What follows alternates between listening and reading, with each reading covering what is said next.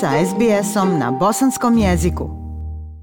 Želeći da predstavimo drugu generaciju migranata iz Bosne i Hercegovine u Australiji, ugostili smo danas jednu mladu damu, posebnu po tome što je na polju nauke već dala mnogo, pa ne sumnjamo da će i u budućnosti ostvarivati velike i vrijedne rezultate. Ona je Leila Voloder, doktor antropologije, predavač na nekoliko univerziteta u Australiji, Melbourne univerzitetu i Monašu, a trenutno predaje na Western Sydney univerzitetu. Inače, antropologija je nauka univerzalne predmetnosti i proučava čovjeka, zakonitosti koje određuju njegov biološki i društveni razvoj i kulturne fenomene različitih ljudskih zajednica. Osnovno pitanje koje svaki antropolog postavlja jeste šta to znači biti čovjek. A šta znači biti bosanac i hercegovac u Australiji, u mozaiku australske zajednice ili bilo koje multikulturne zajednice u kojoj žive i bošnjaci, reći će nam naša uvažena gošća. Leila, dobrodošli u program SBS radija na bosanskom jeziku. Hvala na pozivu, pozdravljam vas Aisha i slušalce ja sam u uvodu rekla samo osnovne stvari koje se tiču vašeg akademskog zvanja i karijere. Možete li se predstaviti malo opširnije našim slušaocima? Pa, moguće je da su slušalci već upoznati sa mojim roditeljima koji su dali značajan doprinos razvoj infrastrukture bosanske zajednice u Viktoriji, posebno u jugoistočnom dijelu Melbourna. Tako da su moji roditelji bili primjer meni i da sam se i ja zainteresovala za rad bosanske zajednice, ali moje interesovanje je manifestovalo kroz akademski rad. A u 2009. godini doktorirala sam na Monaš univerzitetu na disertaciji u kojem sam pisala o politizaciji identiteta i utjecaj na simboličke aspekte državljanstva među australskim građanima sa bosansko-hercegovačkim porijeklom. Sada predajem sociologiju na univerzitetu u Western Sydney i radim u jednoj neprofitabilnoj organizaciji baveći se sa antirasističkim projektima. Vi ste prije desetak godina pravili i jedno postdoktorsko istraživanje, a ono se ticalo života Bošnjaka u Turskoj. Poznato je da je povlačenjem Osmalnija sa Balkana te dolaskom Austro-Ugarske monarhije za novog vladara u Bosni i Hercegovini, da se veliki broj Bošnjaka iselio u Sanđak i Tursku. Dakle, migracije Bošnjaka nisu stvar novijeg datuma. Možete li nam reći nešto više o vašem boravku u Turskoj i rezultatima istraživanja? Sa nagradom od australske vlade, a preciznije kroz grant sa nazivom Endeva Award, Putovala sam u Tursku i boravila tamo šest mjeseci. Sadašnja pravska vlada je suspendovala u budžetu 19. do 20. godine ovu nagradu, mada je moguće da će se opet uvesti kad se ekonomska situacija stabilizuje, tako da zainteresovani bi mogli se nadati da bi oni mogli konkursati ovoj nagradi tada 2010. ograničenja koja su utjecale na moje istraživanje glasile su da moram obaviti istraživački rad u jednoj zemlji u Aziji. I odobrala sam Tursku kako bi mogla napraviti komparativno istraživanje i uporediti iskustva između australskim građanima sa bosanskim hercegovačkim porijeklom i turskim građanima sa bosansko-hercegovačkim porijeklom. Većinu vremena provodila sam u Istanbulu putovala sam u Izmir, Bursu, Inigol i provela neko vrijeme u selima koja se nalaze između tih gradova. Tako da sam u Istanbulu razgovarala uglavnom sa prvom generacijom migranata, a u selima u okruženju Izmira tu sam mogla razgovarati sa bošnjacima koji su bili četvrta generacija u Turskoj. Tako da su njihovi pradjedovi, prnjeni bili migranti ali termin koji se uglavnom koristio među mojim sugovornicima je bio muhađir. To su migracije krajem 19. i početak 20. stoljeća. Obzirom da je u pitanju četvrta ili peta generacija iseljenika iz Bosne i Hercegovine u Tursku, zanimljivo je da je bosanska zajednica zadržala jezik. Vi ste se sporazumijevali na bosanskom jeziku. Da li ste, Leila, primijetili neke specifičnosti? Ja sam nekad pročitala podatak da je u Bursi najviše bošnjaka i da oni govore nekakvim arhaičnim bosanskim jezikom. Da li je to tačno? Možete li se prisjetiti nekih izraza ili riječi koje ranije niste čuli?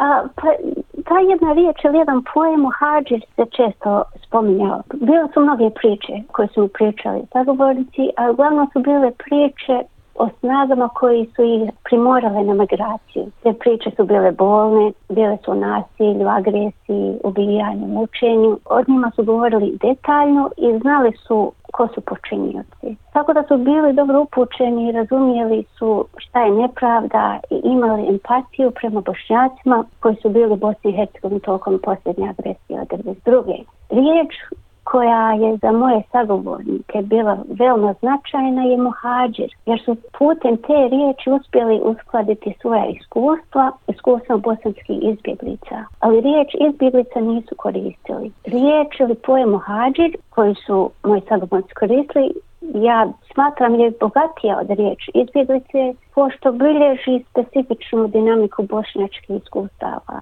izbjeglištva. U trenutnom kontekstu koji postoji neprijateljstvo prema izbjeglicama muhađirima, možda, koji su moji sagovorci koristili, ja mislim muhađir obuhvata nešto u toj dinamici relacije između mještana i izbjeglica pošto način na koji su tu riječ muhađir je bila i konotacija gostoprimstva i merhameta koje se očekuje od strane mještana, primas i izbjeglicama. Od kad sam se vratila u Melbourne iz Turske, još i dalje slažem ideje. Jer ti pojmovi, te riječi nisu izlovane, nego pokušavam i razumjeti u kontekstu društva i kulturne povijesti u kojoj moji sogovornici su koristili te riječi. Bilo je mnogo riječi, ali za sad je ta najbitnija koja sam izvukla iz ovih intervjua koja sam obavila. Sa tog putovanja u Tursku objavili ste i knjigu, a donijeli ste i jedan lijep e, poklon i bili ste tako dobri da i nama poklonite. Riječ je o CD-u Sevdalinki koji je snimio muzičar koji je porijeklom iz Bosne i Hercegovine. Možete li reći kako se on zove? A, muzičar, njegovo umjetničko ime je Čenk Posnali. Kad sam bila u Turskoj sad rahmetli gospodin ah- Ahmed Kemal Bajsak, bivši počasni konzul iz Bosne i Hercegovine u Turskoj, u Izmir, on je mene upoznao sa Dženkom i njegovom ženom. Dženk je pjevač i odabirom svog reportara pokazuje i istražuje svoje porijeklo i ljubav prema Bosni i Hercegovini i bio je vrlo jasan u razgovorima sa mnom da se daleko treba njegovati, čak i u Turskoj. Taj CD koji imate je prvi CD koji je on izdao posvećen Sevdalinku. Morat ćemo naći mjesta za barem jednu Sevdalinku u našem programu. Leila, vi ste objavili i knjigu koja se tiče dijaspore u Australiji, o migraciji bosanaca i hercegovaca i pitanjima identiteta? A, to je prva knjiga koju sam izdala, to je bazirano na, mom doktorskom radu, ali je samo jedan element tog rada. Knjiga se zove Muslim Diaspora in Australia, Bosnian Migration and Questions of Identity.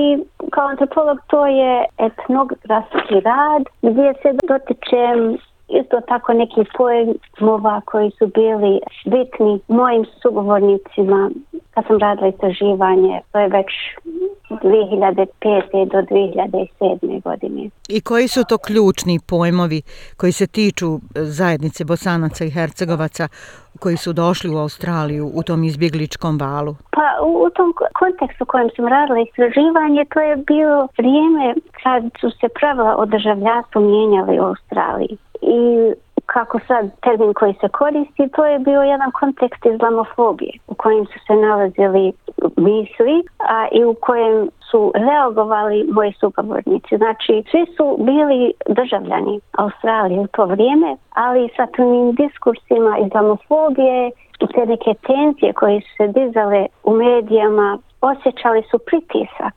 kao se su se kategorisani kao prijetnja neka. Pokazalo se u društvu kroz neke tenzije koje su se pojavljivale u bosanskim zajednicama. Znači bosanska zajednica ima dosta bogatu historiju, infrastruktura se već razgradila, imaju dosta centara, društava gdje se ljudi skupljaju, ali taj uticaj sa federalnog nivoa, i neki diskursi u mediji su uticali na osjećaj, na aktivnost um, u bosanskim zajednicama i malo je to i pravo tenzije. Mada bila je želja među bošnjacima i bosancima u Melbourneu i u Australiji generalno da ipak a, pređu preko tih tenzija, da prevaziđu te probleme koje su im se sa strane nametale onda nije nimalo slučajno, Leila, da ste se angažovali kao volonter u ženskoj organizaciji koja ima tu antirasističku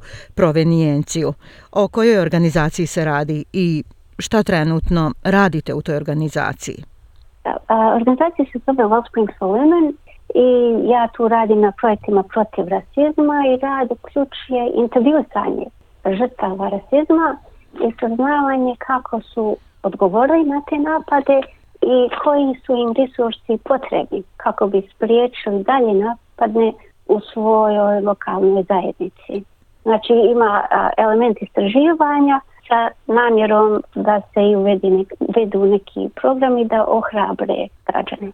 Recite nam kakvi su vaši planovi u budućnosti. Imate li namjeru istraživati život bosanske dijaspore u nekom drugom dijelu svijeta? Pa ima toliko materijala koje nisam još ovaj, iz Australije, iz Turske i u stvari imam želje da se vratim u Tursku, da nastavim tamo rad, pa ne znam da, da, da ću sad u treću državu otići, pošto u Australiji toliko toga ima za istraživat, a i u Turskoj pola godine nije bilo dovoljno. Bilo je bogato iskustvo, ali pak ima toliko toga da, se, da bi se moglo dalje istraživati. Leila i na kraju da zaključimo sa stanovišta jednog antropologa. Kakav je to čovjek Bosne i Hercegovine? Hvala na tom pitanju. Ja bih pozvala slušalce da oni daju svoje mišljenje o tom pitanju, a to mogu raditi putem Facebooka. Jel da? Mogu, mogu, naravno. Eto, dok naši slušaoci razmišljaju o odgovoru, recite nam šta biste im poručili. Evo, mi pokušavamo da im kroz razgovore s našim gostima pružimo riječi ohrabrenja i utjehe u ovim teškim vremenima pandemije koronavirusa. A šta biste im vi poručili?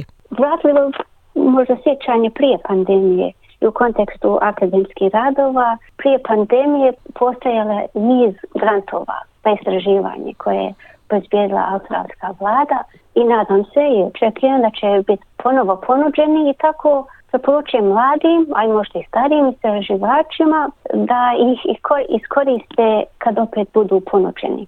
Ta je poruka istraživačima, ali to je se i može u generalnom smislu razumjeti da nastavimo sa svojim radom, sa entuzijazmom prema društvu i da ne samo da se vratimo, kako kažu, normalnom životu kao što je bila prije pandemije, nego da radimo da nam bude i čak bolje nego što je bilo prije pandemije. Leila bilo je istinsko zadovoljstvo razgovarati s vama. Hvala vam na izdvojenom vremenu, lijepoj poruci i razgovoru uopšte. Želimo vam puno uspjeha u vašem daljem radu i nadamo se da ćemo se čuti opet. Svako dobro. Hvala vama i čestitam vam na radu ovdje na SPS i moje zadovoljstvo bilo razgovarati s vama. Like, share, comment. Pratite SBS Bosnjan. na Facebook.